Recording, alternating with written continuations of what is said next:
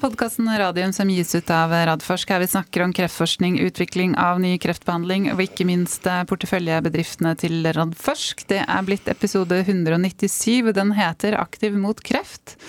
Og så har det blitt 27. oktober, klokken er 12.30. Velkommen i studio, Jonas Einarsson. Takk skal du ha, Elisabeth. Du, Nå syns jeg vi er oppe i sånne eh, to podkaster i uka. Skal vi begynne med sånne daglige podkaster, eller? Uh, nei, jeg har litt annet å gjøre òg. du sier ikke det. Eh, en av de tingene du har hatt med å gjøre som styreleder i Ultimovax, er at du har lansert eh, enda en studie og henta noen penger. Men det skal vi snakke veldig mye mer om etter at vi har snakka med gjestene våre i dag. Det gjør vi. Ja, Så da er det en tease til dere som er mer opptatt av Ultimovax. Kan dere bare høre det etter at dere har hørt eh, om Aktiv mot kreft. Eh, velkommen i studio, Helle Aanensen, leder av Aktiv mot kreft. Tusen takk. Veldig hyggelig å se deg igjen. I like måte. Ja, vi sås jo i går. Det gjorde vi. Ja, og takk hadde... for innsats der. Det... Ja, nei, jeg gjorde ingenting. Men uh, han derre sjefen her lekte moderator, og det gikk jo kjempebra. Så nå kanskje jeg mister jobben. Lært av den beste. Ikke sant. Og så er det veldig hyggelig å ha med oss eh, Ole Petter Gjelde, lege og hjerneforsker, også kjent som treningslegen, denne gangen på Zoom. Ja, veldig hyggelig å få være med, selv om jeg måtte flytte litt på meg. Jeg er i Kristiansand og skal selvfølgelig snakke litt om, eh, om trening i et foredrag etterpå. Så bra. Eh, det jeg tenker, for det, Vi har ikke hatt med noen av dere i podkasten tidligere, at vi starter egentlig med at eh, dere gir oss en introduksjon av dere selv og hva dere gjør. Jeg tenker vi kan starte med deg, Helle. Ja. Um, mitt navn er da som sagt Helle Aanesen, og jeg startet Aktiv mot kreft sammen med Grete Waitz tilbake i 2007. Uh, egentlig ja, jeg vil kalle det ved en uh, ren tilfeldighet, nesten. Uh, jeg var opptatt av å skulle få meg startnummer til New York Marathon. Uh, og på den veien dit så lærte jeg hvor utrolig flinke amerikanere er til å samle inn store penger til gode formål. Noe jeg opplevde at vi ikke var flinke til i Norge. Så det var i grunnen starten. Jeg tenkte at tiden var kanskje moden for å begynne å gjøre noe sånt i Norge. Og i New York Marathon-modus er jo det navnet som ramler i hodet på deg, det er Grete Waitz. Mm. Eh, så jeg ringte rett og slett til Grete og lurte på om hun hadde lyst til å starte noe sånt noe sammen med meg. Og hun svarte ja. Og sånn ble Aktiv mot kreft til. Mm. Så vi har jo holdt på nå da i, i 14 år. Grete fikk med seg de tre og et halvt første mm. um, før hun dessverre gikk bort. Eh, og det er klart at eh, når du starter en stiftelse med Grete White, så har den noe med fysisk aktivitet å gjøre. Så eh, vårt mål var ganske tidlig å få fysisk aktivitet, eller tilpasset trening som vi nå kaller det, inn mm. i kreftbehandlingen.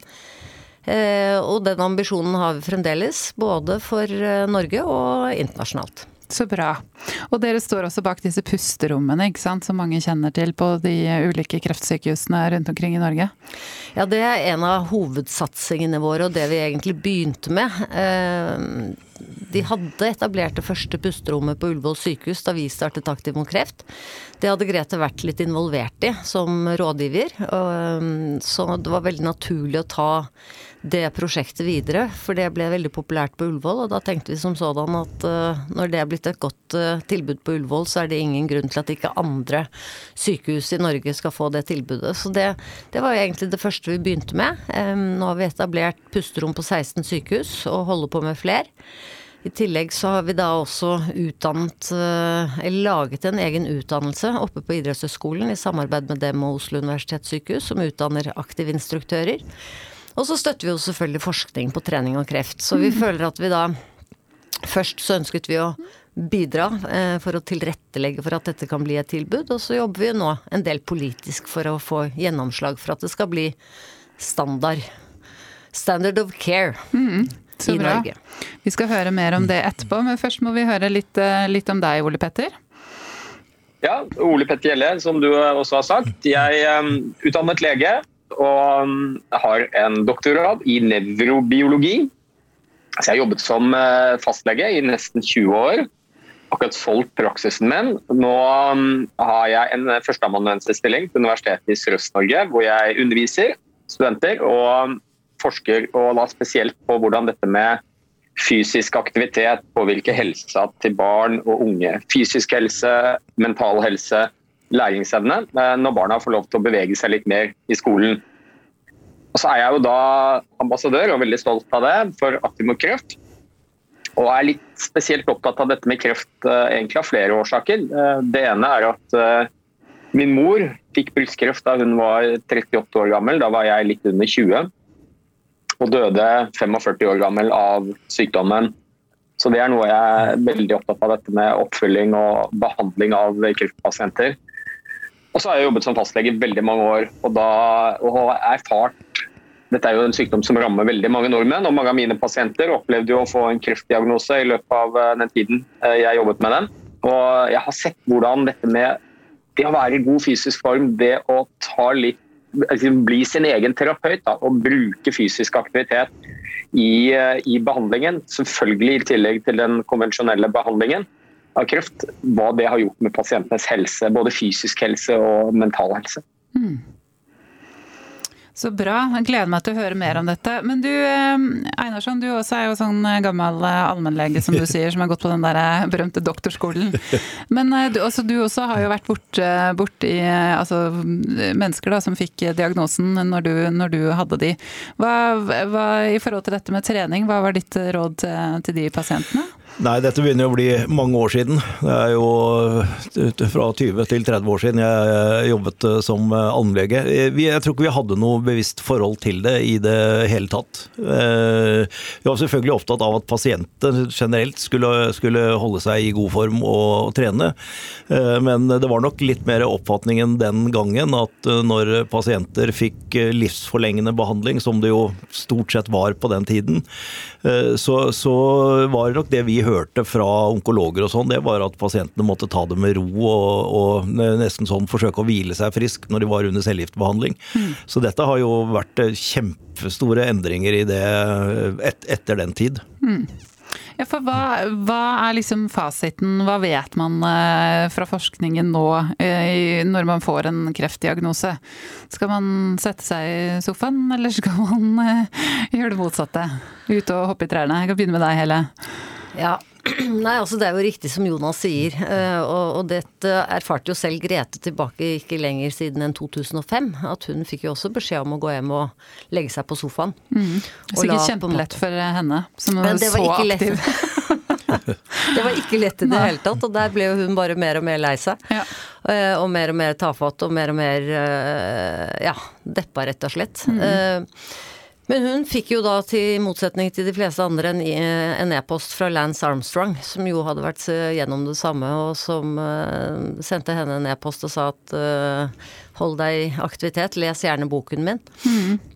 Det gjorde hun, og sakte, men sikkert så begynte Grete å reise opp av sofaen og begynne å gå på tredemøllen, og hadde jo en kjempemestringsfølelse mm. etter å ha gjennomført de første 50 meterne på tredemøllen sin, som hun selvfølgelig hadde stående i stuen. Um, uh, så det er klart at uh, fra da å, å ha satt verdensrekorder i maraton til å ha mestringsfølelse etter 50 meter, så, så bare det um, sier jo lite grann om, om uh, hva kreftbehandling gjør med kroppen. Mm. Og hvilket, eh, holdt jeg på å si, eh, hvilken aldring, egentlig, eh, den går gjennom med cellegift og stråling, operasjoner og annen tøff behandling.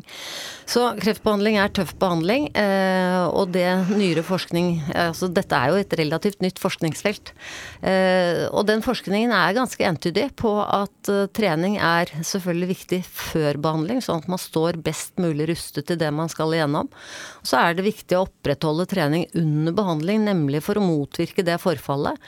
Eh, og ikke minst også da, ikke bare det fysiske forfallet, men også um, senskader, bivirkninger, eh, og ikke minst også risiko for tilbakefall. Mm. Eh, og så er det viktig, som vi vel mer eller mindre alltid har visst, at det å på en måte trene seg opp igjen etter etterpå er viktig, altså rehabilitering. Men eh, mye av den jobben er jo for så vidt gjort hvis man klarer å gjøre det før og under også. Og det er jo det vi ivrer for spesielt i Aktiv mot kreft. At mm. eh, denne treningen begynner så tidlig som mulig. Eh, og der er vi også veldig sammenfallende med Ole Petter, som jo også jobber for å få fysisk aktivitet inn i skolen, og at vi generelt sett mm. er veldig mye flinkere til å være i fysisk aktivitet enn vi er. For vi er faktisk ikke så flinke til det i Norge. Ehm, men, men vårt, eh, på en måte, vår visjon, da, det er jo å få dette inn så fra diagnosetidspunkt. Altså fra den dagen du får en diagnose, så ønsker jo vi at man kommer i gang med det vi kaller for prehabilitering. Det å forberede seg best mulig til det man skal igjennom. Mm. Og det, dette viser jo forskningen nå. Så vi mener jo øh, at øh, all at det foreligger mer enn nok god forskning på at dette burde inn i behandlingen. Mm. Og så er det klart, så gjenstår det en del forskning på helt spesifikt hva kan den type trening gjøre for den type svulster osv. Og, så og også se på hva slags type trening som kanskje har direkte innvirkning på selve svulsten. Og dette er jo kjempespennende. Ja, det er veldig spennende. Har du noe å tillegge, Ole Petter? Ja, eh, jeg, jo, jeg, støtter jo veldig opp under det, det Helle sier. Og så tenker jeg Det er et par andre ting også eh, som vi ofte ikke snakker så mye om når vi snakker om trening da, som behandling ved, ved kreft. Og, Det er jo at det å være i regelmessig fysisk aktivitet gjennom livet, det, det, kan gi en ganske betydelig risikoreduksjon for å utvikle kreft. Altså Det virker forebyggende. Vi vet f.eks. at de som er i fysisk aktivitet og i god fysisk form, de har redusert risiko for å få en rekke forskjellige kreftformer. Jeg tror Sist gang jeg leste i litteraturen at vi snakker om inntil 15 forskjellige krefttyper. Bl.a. noen av de største og vanligste i Norge med brystkreft, tykktarmskreft, prostatakreft osv. Så, så det er jo ett element i det. rett og slett At vi kan forebygge. Og jeg tenker Det er jo helt essensielt. Jeg, jeg pleier å si det at i Norge så har vi egentlig ikke et helsevesen, vi har et sykevesen. Vi bruker ni av ti eh, helsekroner på å reparere skader som er inntruffet. Mm. Og, og, så er det selvfølgelig sånn at Årsaken til at man utvikler kreft er, er multifaktoriell. altså Flere årsaker. Genene spiller en betydelig rolle, selvfølgelig. Men livsstilsfaktoren er viktig også. Så, så, ved å være fysisk aktiv, så har du lavere sannsynlighet for å få en kreftdiagnose. Og så er det jo dette med jeg pleier også å si det til pasientene mine at er det én gang i livet du virkelig virkelig vil ha stor nytte av å være i god fysisk form, så er det jo den dagen du eventuelt får en alvorlig sykdom og diagnose. Eh, og, Forskningen forteller oss også at du står mer robust i, i en tøff sykdomssituasjon. Både fysisk og mentalt, hvis du er i god fysisk form. Og så er det jo noe med dette at eh, det er litt forskjell på forskjellige typer eh, behandling. Vi eh, bruker jo tradisjonelt selvfølgelig kirurgi, strålebehandling, cellegift, hvor det har skjedd en eh, eksplosjonsartet utvikling som gjør at prognosene er langt bedre i dag for veldig mange krefttyper enn tidligere. Men det er jo allikevel en, kall det en passiv Pasienten blir en passiv part. da. Og Jeg møter jo mange av disse pasientene som får en kreftdiagnose. De møter jeg i allmennpraksis. Kanskje har de kommet til meg med et symptom, blod i avføringen, kul i brystet og Så henviser jeg dem til spesialisthelsetjenesten. Og så ender jo en del opp med å få bekreftet at de har kreft. Eh, og Det pasientene da selvfølgelig er opptatt av, er jo å sette i gang med behandling så fort som mulig. Og Selv i dag, hvor det er pakkeforløp og vi er blitt veldig eh, flinke til å ta pasientene kjapt inn, så er det jo allikevel noen uker å vente for mange. Eh, og For oss leger så tenker vel vi ofte at sånn medisinsk sett så har ikke de tre-fire, kanskje fem-seks ukene pasientene må vente på å sette i gang behandling, det har ikke noe å si for prognosen. Men som en pasient eh, sa til meg, vet du hva, jeg har fått en kreftdiagnose, og jeg tenker at for hvert eneste sekund så vokser den svulsten, og jeg gjør ingenting. Mm. Så det da å kunne f.eks. bli henvist til et pusterom, starte en prehabilitering, altså komme i gang med fysisk aktivitet, det er så verdifullt. Ikke bare på det fysiske planet, man blir i bedre fysisk form Sannsynligvis tåler man eh, behandlingen bedre, men altså mentalt å føle at vet du hva, nå begynner, jeg har litt kontroll over dette selv, jeg mm. kan påvirke uh, min egen sykdom. Um, så, så, det tror jeg er veldig, veldig viktig. Mm. Jeg er så veldig enig i det Ole Petter sier nå. Og dette handler jo om det vi ser også eh, nå med prehabilitering, og det de faktisk har eh, fått lov til å innføre nå i tarmkreftforløpet på Ahus, nemlig at de har innført prehabilitering. Og da føler jo pasientene at de tar tak i og tar del i egen behandling og er i gang med behandling fra dag én. Mm. Og det gjør jo noe med pasienttilfredsheten også. Samtidig som de ser helt konkrete resultater av at dette fører til færre komplikasjoner, færre reinnleggelser og kortere tid for Altså behov for kortere tid på sykehuset. Noe som igjen da er god sykehusøkonomi. Mm. Så her er det egentlig vinn-vinn. Høres ut som det er vinn-vinn Eh, men eh, jeg vet jo at dere har jobbet for det, som du sier. Eh, dere jobber politisk og dere jobber for at dette her skal inn. Hvor er det det stopper opp? Nå er det i hvert fall en ny helseminister som kan, som kanskje kan eh, ordne litt vei i vellinga? Ja, altså ja. Vi, vi, må jo være optimister og tenke at uh, hvert skritt i riktig retning, uh, det er en liten seier. Og, mm. og, det er klart at vi har jo opplevd noen seire på veien. de har jo begynt å snakke om fysisk aktivitet i den første, eller den kreftstrategien som var for ja, 2018 til 2022, var det vel. Mm. Så så vi jo handlingsplanen for fysisk aktivitet Eh, som kom ut før sommeren i 2020, at der står det at fysisk aktivitet skal inn i relevante pakkeforløp. Så det begynner jo nå å stå svart på hvitt rundt omkring, men vi ser at det er langt mellom ord og handling. Og det er jo der vi ønsker å på en måte stå på videre og sørge for at eh, ja, disse ordene skal bli handling. Mm. Eh, og da må nok helseforetakene bli pålagt det. Ja. Det er ofte, ofte, den veien eh, det går, skal man eh, få, få noe gjort. Eh, har du noe å legge til, eh, Einarsson? Nei, altså jeg, jeg syns det er veldig spennende å bli kjent med begrepet prehabilitering. Mm -hmm. eh, vi har jo alltid bare snakket om rehabilitering. Eh, og, da, og også som Ole Petter sier, det er, jo, det er jo helt riktig når han bruker uttrykket sykevesen istedenfor helsevesen. Ja. At vi, ja, ja. vi, er veldig opptatt av det, og selvfølgelig det er det jeg jobber med hele tiden, er, er behandling av det som allerede har oppstått av, av sykdom. Men uh, forebygging er jo utrolig viktig. Uh, og så har man vært uh, Sånn gjengs oppfatning tror jeg har liksom vært sånn at jo, ja, kanskje. Det har noe for seg. Mm. Men det er kanskje ikke så viktig å, å bruke så mye tid på det og ressurser. Og så er det bare én måte å gjøre på, noe med uh, standardbehandling eller å forandre noe som helst hos uh, litt inngrodde leger og et helsevesen som ikke snur seg rundt så veldig fort, og det er forskning mm. og dokumentasjon. Og det er det jeg syns er mest spennende med, med Aktiv mot, uh, mot kreft, og det de, det de, gjør der. Og det var jo det webinaret i går handlet om. Mm. Nettopp om, om tre forskere som hadde vært i USA USA, og det syns jeg godt eh, Helle og Ole Peter kan kommentere litt på. For jeg syns den med forskningsbiten er utrolig spennende. Mm. Jeg gjør det, Helle. Fordi eh, dere hadde jo da et seminar, og det kan man gå inn og se på, på, på weben. For det ligger ute på våre nettsider, både til Radforsk og Aktiv mot kreft. Eh, og der har jo dere hatt et samarbeid med Memorial Sloan Kettering, som man må kunne si er et av de fremste kreftsykehusene i, i verden, i New York. Og en person som heter dr. Lee Jones. Og så har dere da via Kavli-fondet fått en del midler, og så har dere satt opp et samarbeid. Si litt mer om det.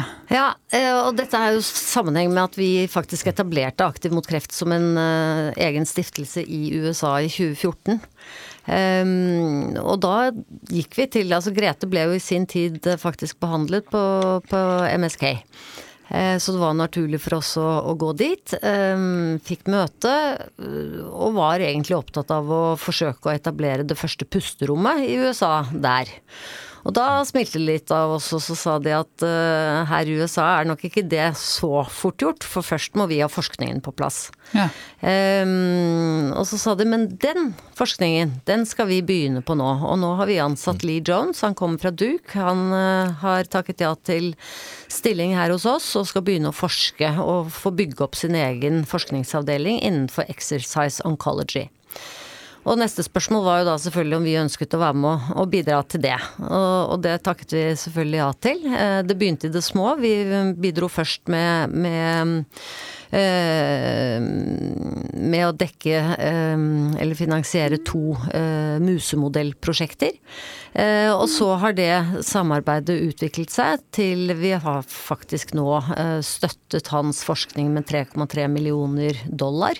Som for en liten stiftelse som oss er betydelig Det er mye penger. eh, masse penger. Eh, og så fikk vi da god hjelp av Kavlefondet til, eh, til en god del av den forskningsbiten, samt å lage et utvekslingsprogram, sånn at tre forskere fra Norge kunne reise over til USA og forske sammen med Lee Jones. Eh, og være en del av hans stab eh, og hans lab, og, og mm, som sagt gjort. Og de tre har jo nå vært der i større eller eh, lengre mm, opphold. Og så er det jo sånn nå med digitale muligheter at de fortsetter jo å samarbeide og fortsetter jo å forske sammen. Eh, så, så dette er kjempespennende, og, og resultatene snakket vi jo en del om i går. Men det er klart at dette er jo et langt lerret å bleke, og særlig når man skal da gå ned i, i liksom virkelig deep down. Um, men Lee Jones har på en måte en, en oppfatning om at uh, fysisk aktivitet, eh, det skal være tilrettelagt og skreddersøm. Ja. One size does not fit all. Eh, Og det er om å gjøre å finne ut enda mer om denne kunnskapen. Men igjen, eh, vi er veldig innforstått med at det foreligger nok kunnskap til at det er bra og at det er viktig. Ja, og så er det om å gjøre å finne ut enda mer detaljert om mm. intensitet, belastning, eh, og, og hvor sensitiv hvilke undergrupper av, eh, av de ulike krefttypene som er sensitive til trening på hvilken måte. Eh, og så er det jo noen av disse museforsøkene som har vært ekstremt eh, spennende, syns jeg. eh, uten at jeg er forsker. Eh, men når man ser i, i eh, museforsøk at, eh, at tumoren hos mus vokser eh, raskest når man er inaktiv, vokser saktisk når man både får cellegift og er aktiv, men vokser faktisk like fort enten om man trener eller om man får cellegift. Og dette sier jo noe om at kanskje er trening i, på et visst, i en viss sone gunstig mens man får behandling. Ja. Så jeg tenker jo at eh, hm, det hadde jo vært veldig spennende å se resultater av et sånt forskningsprosjekt. Kanskje eh, vil det være gunstig eh, f.eks. å få cellegift for en viss type kreft mens man sitter på en ergometersykkel og sykler i sone to. For eksempel. Uh, musestudier uh, peker jo i den retningen, og dette er jo forskning som vi syns er ekstremt spennende. Og det er jo derfor vi sier at trening er medisin. Ja. Og så er det jo viktig det der å, som, som vi snakker om mye. altså Én ting er disse prekliniske modellene på mus, men mus er ikke mennesker. Nei, det er ikke det. Så man må forske på mennesker Man også. må forske, ja Det- definitivt. ja. Og det er, derfor, det er derfor denne forskningen hos MSK er så spennende. Ja. Fordi at de har et enormt tilfang av pasienter, og har jo et pasientgrunnlag som ingen, ja, som de færreste andre kan måle seg med. Da. Og de har fått lov til å henge seg på et forskningsprosjekt hvor de faktisk skal inkludere og ta ut genprofiler av 50 000 pasienter. Mm. Sånn at de har et, eh, en, en base da for sin forskning som er um, spesiell. Ja, absolutt. Um, hvor tenker du at man burde sette inn støtet på dette med trening og kreft, Ole Petter? Ja, jeg er jo veldig enig med både Helle og Jonas at eh, dette med forskning er helt essensielt. Jeg tror er nødvendig for at vi skal klare å få det implementert i større grad enn det er i dag. Få gjennomslagskraft for det. Alt fra å sjekke hvor effektivt eh, og forbedre dokumentasjon på effekten av fysisk aktivitet, både før, under og etter behandling. Prøve å kartlegge de molekylære mekanismene. Hvorfor er trening så effektiv? Og ikke minst dette med det vi kaller doserespons. Hvor mye skal vi dosere av dette for å få ski en optimal effekt på forskjellige pasientgrupper? Det er helt nødvendig. Men jeg tror det er noe annet som må til også.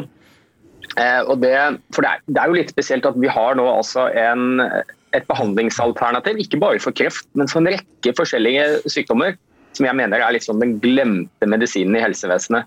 Dette med trening som medisin. Så at vi vet at det er kanskje det mest effektive forebyggende aktiviteten vi kan drive med for 35 sykdommer. Det er faktisk den beste behandlingen, på lik linje med de beste medikamentelle intervensjonene vi har for 26 kroniske sykdommer. Og så er jo litt av utfordringen at eh, vi leger, da, vi kan jo snakke for meg selv, vi har jo egentlig ikke dette verktøyet i verktøykassa vår. Mm. Jeg studerte på 90-tallet i Oslo. Jeg tror jeg hadde 140 timer om farmakologi, læring om legemidler. Og det er selvfølgelig helt kritisk viktig for leger å kunne noe om. Jeg hadde null timer om fysisk aktivitet som medisin. Mm. Til tross for at vi hadde mye kunnskaper den gangen også om hvor effektivt det var. I dag så har det ikke skjedd så veldig mye. I dag så har legestudentene i Oslo de har 45 minutter i løpet av seks år om fysisk aktivitet som medisin. Og det vet jeg, for det er jeg som har den undervisningen. Ikke sant? Eh, og det sier noe Jeg mener jo eh, oppriktig at norsk helsepersonell, sykepleiere, leger, kanskje spesielt legene, må kunne like mye om trening som medisin som de kan om legemidler. Så der er vi egentlig langt unna. Mm. Og så tror jeg også Det er en liten ulempe at eh, vi, det er ingen industri som står og dytter fram fysisk aktivitet som et reelt uh, og aktuelt behandlingsalternativ. Mm. På lik linje med det legemiddelselskapene selvfølgelig gjør med sine produkter. Jeg, jeg pleier å si at jeg har eh, besøk av legemiddelkonsulenter flere ganger i uka i mm. lunsjen. Jeg har aldri hatt besøk av noen i tights som skal fortelle meg om effekten av fysisk aktivitet. Så jeg tror det må skje noe på utdanningsnivå også. Vi må ha mer kunnskap om trening som medisin. Mm. Det høres eh, veldig fornuftig ut. Men, ehm, men, eh, Helle og Jonas, dere har jo noen planer der, har dere ikke det? Å begynne med deg, Jonas. Det, det, har vi, men jeg har bare lyst til å respondere litt på det Ole Petter sa først, for jeg syns dette er veldig spennende. Eh, og det er én ting innen forskningen Ole Petter, som jeg syns hadde vært veldig spennende å sette et fokus på, det var å studere hvordan immunsystemet fungerer og oppfører seg under trening og behandling. Eh, fordi vi nå vet jo at det vi jobber aller mest med, er å modellere immunsystemet og hjelpe det. Og hvis, hvis, trening i tillegg kan hjelpe til med den immunmodulerende behandlingen vi gir, så hadde det vært veldig spennende å se nærmere på. Har du en kommentar til det, eller Ole Petter? Ja, veldig, veldig enig. Og, eh, og, og, jeg tenker bare så man ikke setter folk i forskjellige siloer her. Det er jo ingen som snakker om trening ved kreft eh, isolert. Dette er selvfølgelig som et supplement. Eh, som en naturlig del eh, ved siden av annen type behandling. Mm. Og da synes Jeg det er interessant. Jeg har lest noen studier hvor det, hvor det tyder ganske så klart på at immunforsvaret vårt det, det, styrkes når vi er i fysisk aktivitet. Litt avhengig av in intensitet, men selvfølgelig eh, vil jo da selvfølgelig hjelpe kroppens egen forsvarsmekanisme. Eh, både med tanke på å forebygge kreft, men ikke minst også bekjempe den. Og, så kan man jo også se for seg at vi vet jo at en del av de behandlingsalternativene vi gir, f.eks. cellegift, har jo betydelige bivirkninger. Mm. Eh, det er jo ikke å stikke under en stol, men det er ekstremt effektiv behandling. Og noen av pasientene må jo kutte ned på dosene, kanskje av, avbryte cellegiftbehandlingen sin pga. bivirkningene. Og Da er det jo spesielt interessant å se at en del studier viser at de som er i god fysisk form og trener under behandling, de tåler mm. cellegiften bedre. Mm. Altså de, eh, ja, altså de får bedre effekt av cellegiften også, for da kan man fortsette å gi den behandlingen som er ønskelig og kanskje ikke måtte avbryte pga. bivirkninger. Så Det virker jo som om disse har en synergi. Mm. Altså tre, Treningen også gjør cellegiftbehandlingen mer effektiv. Mm. Og det er her vi er litt utålmodige. Fordi Helt enig at forskningen er ekstremt viktig, og den jobber vi med å støtte og, og, videreføre. Og vi skal finne ut mer om dette forskningsfeltet. På den annen side, vi vet nok til at vi kan igangsette og gjøre noe, og implementere. Mm. Så det er liksom litt to, eh, to, sider av samme sak. Mm. Ja til fortsatt å forske, men også ja til å implementere det vi allerede vet mm. er gunstig, og som har god effekt. Og det er derfor jeg syns det er morsomt også at eh, Ahus f.eks. da, rett og slett har fått lov til å innføre dette først mm. som et tjenesteinnovasjonsprosjekt, eh, som da har vært såpass eh, eh suksessfullt at det nå er eh, standardbehandling. Mm. Så jeg tenker at eh, vi kan tenke to løp her og gjøre ting parallelt også, men mm. Definitivt, og det Jonas påpeker her i forhold til forskning, nytt forskningsprosjekt, yes, det er veldig spennende. Mm, så bra. Men uh, dere har noen andre planer også? Det var egentlig det jeg prøvde å pense inn på i stad. Men, uh... ja, nei, men som, som, dere vet, og, og sikkert de fleste lytterne så jobber jeg hele tiden med å utvide konseptet vårt i Innovasjonsparken. Og vi jobber helt konkret med to nye byggetrinn. Mm. Uh, og når jeg fikk, uh, ble kjent med, med, Aktiv mot kreft og, og, det de jobber med, og spesielt og da den forskningen jeg, altså jeg er helt enig at det bør implementeres, at dere vet nok. Men, men så kommer jeg liksom tilbake til forskninga uh, igjen. da, Og Jeg, synes jeg, jeg ser så mye spennende her. Så, så, det å ha som en del av innovasjonsparken hele det konseptet å ha et tipp topp moderne laboratorium og treningssenter som en del av det nye bygget vi skal bygge, mm. det vil liksom gitt enda en liten edge for at vi ser bredt. Vi tenker ikke bare kreftbehandling i form av medikamenter, selv om vi jobber veldig mye med det. Mm. Men vi ønsker å se det hele brede bildet, og da vil det vært kanonutfyllende å, å fått det. Så jeg har liksom fridd til Helle da, at hun må sørge for å reise inn, inn, innsamlingstakten her, så at hun er sikker på at hun kan flytte inn i det nye bygget. Og det er det vi konkret jobber med i dag. Mm. Det blir gøy, Hele. Å, det blir så gøy! Å, det blir så gøy. Og dette har jo vært drømmen vår i mange år. Ja. Vi har bare ikke helt turt å snakke høyt om det. I, mm. Eh, eller det gjør jeg jo støtt og stadig uansett, da, men ikke sånn helt høyt offisielt. Fordi eh, det krever en del eh, penger som vi per i dag ikke har, mm. men eh, som vi må finne. Mm. Og, og, det er jo sånn vi eh, lever, holdt jeg på å si. Vi får jo ikke noe støtte fra noe sted, så alle Nei. de millionene vi samler inn, de, de samler vi jo inn. Eh, men når det er sagt, så er det klart at dette var jo en tanke som, som begynte å ta form eh, vel vitende om at de to minste pusterommene er på våre to største sykehus. Mm. Nemlig på Ullevål og Radiumhospitalet. Eh, og så ser vi at det eh, planlegges nytt sykehus her på Radiumhospitalet, men det er jo ingen som har tenkt på at eh, det skal eh, bygges noen flere kvadratmeter til fysisk aktivitet eller pusterom i det nye sykehuset, noe jeg syns selv er en katastrofe. Mm. Um, så Derfor er det enda viktigere, eh, tenker jeg, at denne drømmen får leve videre, og at vi rett og slett jobber eh, målrettet for å få eh, det til å skje. Nemlig at det blir et eh, stort pusterom Eh, med alt av fasiliteter, eh, og ikke minst en forskningsavdeling tilknyttet det. Og så er det jo nye spennende ting som vi eh, har lært mye av, iallfall under pandemien, og mange andre, nemlig de, alle de digitale mulighetene som gjør at det også med hell kan Altså som knytter det internasjonale miljøet mm. tettere sammen. Og som inspirerte oss litt til tittelen vi hadde på seminaret i går, nemlig hvordan kan vi bli en del av det ledende forskningsmiljøet forskningsmiljøet innenfor trening og kreft. Mm. Så her tenker jeg vi har en, eh, et eh, samarbeid på gang som er superspennende. Hva tenker du Ole Petter, før du skal løpe av gårde og holde foredrag for eh, finansfolket? Nei da, du, igjen, jeg, jeg er selvfølgelig helt, helt, enig. Og vi har mer enn nok kunnskap nå til, til å, å, få implementert dette i større grad. Så tror jeg også vi skal huske at dette med treningsmedisin er jo ikke bare ved kreftsykdom. Eh, jeg tror ikke det er noen intervensjon i helsevesenet som, den, som er så rimelig, relativt enkelt å få gjennomført. Pasientene kan gjøre det selv, mm. og har vel kanskje den gunstigste bivirkningsprofilen av noen, eh, noen behandlingsalternativer. Så dette vil jo være, uansett hvilken effekt det har på forskjellige krefttyper, så vil det være positivt. Både med tanke på fysisk helse, fysisk altså kondisjon, mental helse, ikke minst. Ikke Dette er den eneste behandlingen vi kjenner til i helsevesenet som virkelig har en effekt på livskvalitet.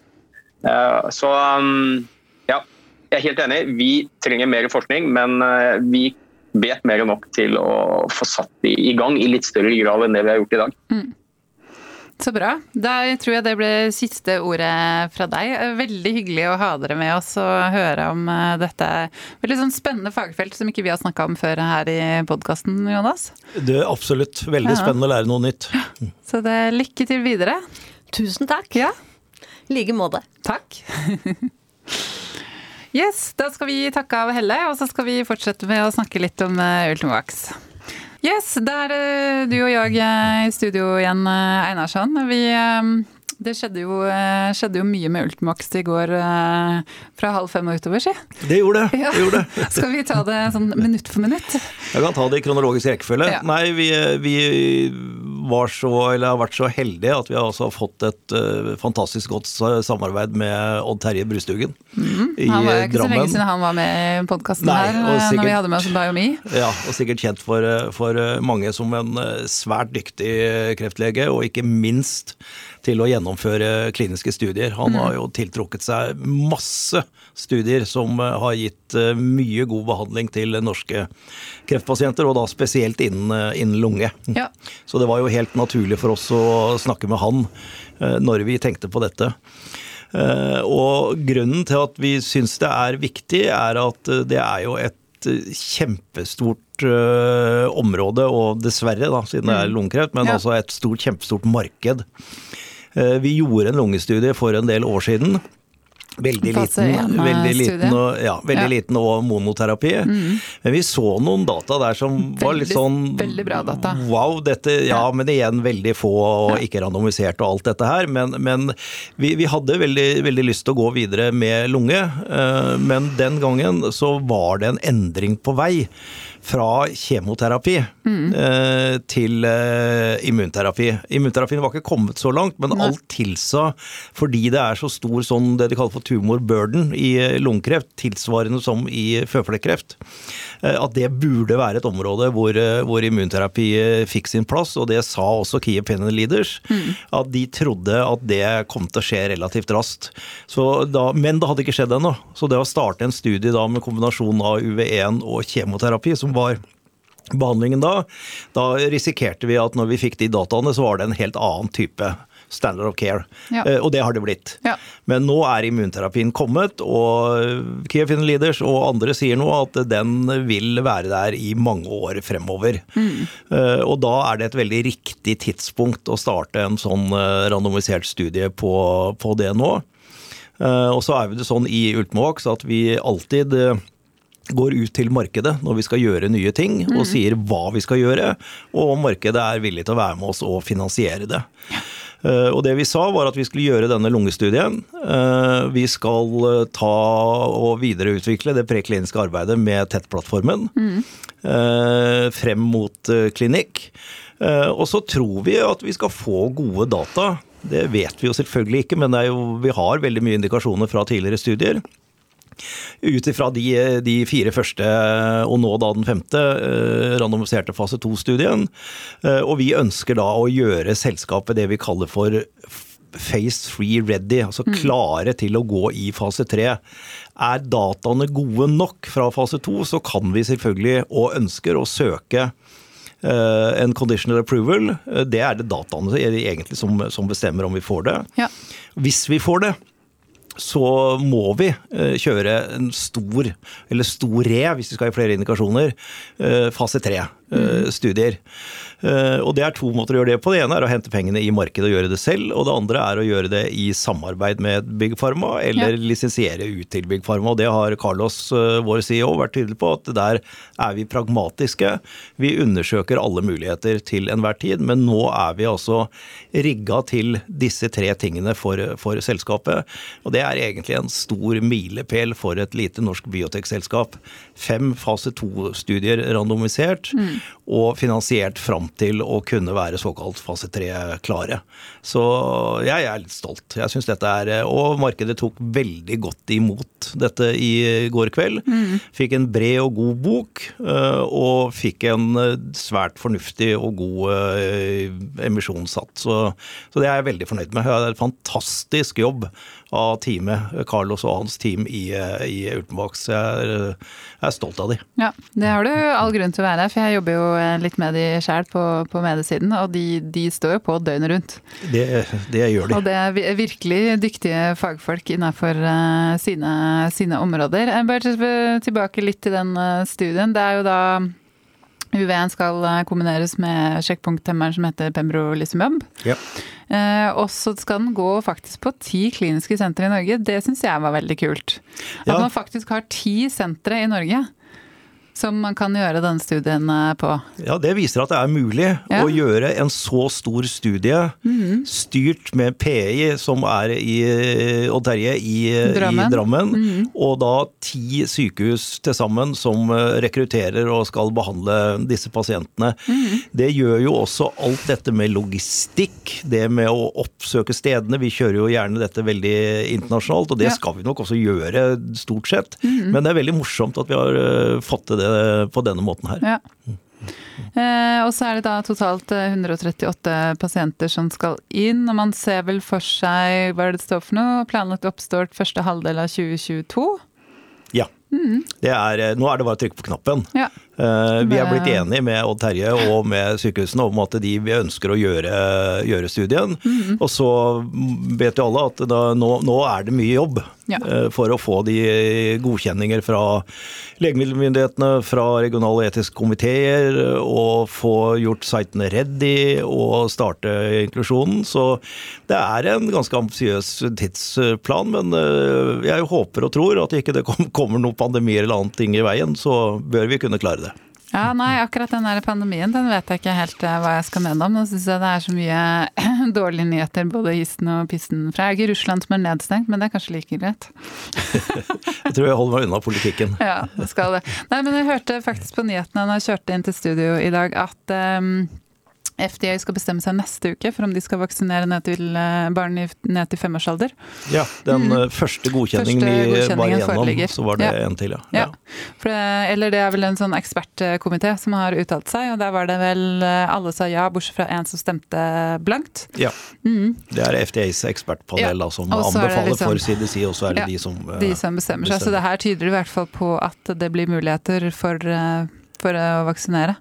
Ja, og nå, nå skal vi igjen ikke snakke politikk. Nei, men, men jeg, jeg leste Det faktisk gøy, da da. at det var gjort en, eh, en eh, undersøkelse da, og hvor foreldre ble spurt om de da ønsket å vaksinere barna sine. Ja. Eh, 80% av de som stemmer eh, demokratisk, Ja. eh, skulle, mens 21 eller 23 av de som stemmer republikansk, skulle, Ja. skulle og så 80 ikke. Det er, Det er eh, veldig det er trist. trist. Og så sa du vel også i det nyhetsinnslaget at det var en diskusjon nå om man da måtte kreve at barna ble vaksinert for at de skulle gå på skolen. Og det tenker jeg sånn, det er jeg glad ikke jeg skal ha en formening om. I det hele tatt. Men eh, nei. Men eh, veldig gode nyheter med Ultimax, så vi er selvfølgelig i eh, dialog med mm, ledelsen der i forhold til å få et besøk i podkasten snart. Så, men de har litt annet å drive med, si. De- Det er det. Men Ja, vi, vi vi skal se om ikke vi klarer å få overtalt de til å komme et liten tur. Ja. Så, men eh, gode, gode nyheter. Så eh, eh, da, Neste uke skulle vi da egentlig hatt med oss Vaxbody, men de er ute og reiser, så da får vi nesten bare si at eh, det får bli en overraskelse. Men det, det blir jo no, det blir noe. Noe får vi til. Ja. Flott. Takk for i dag.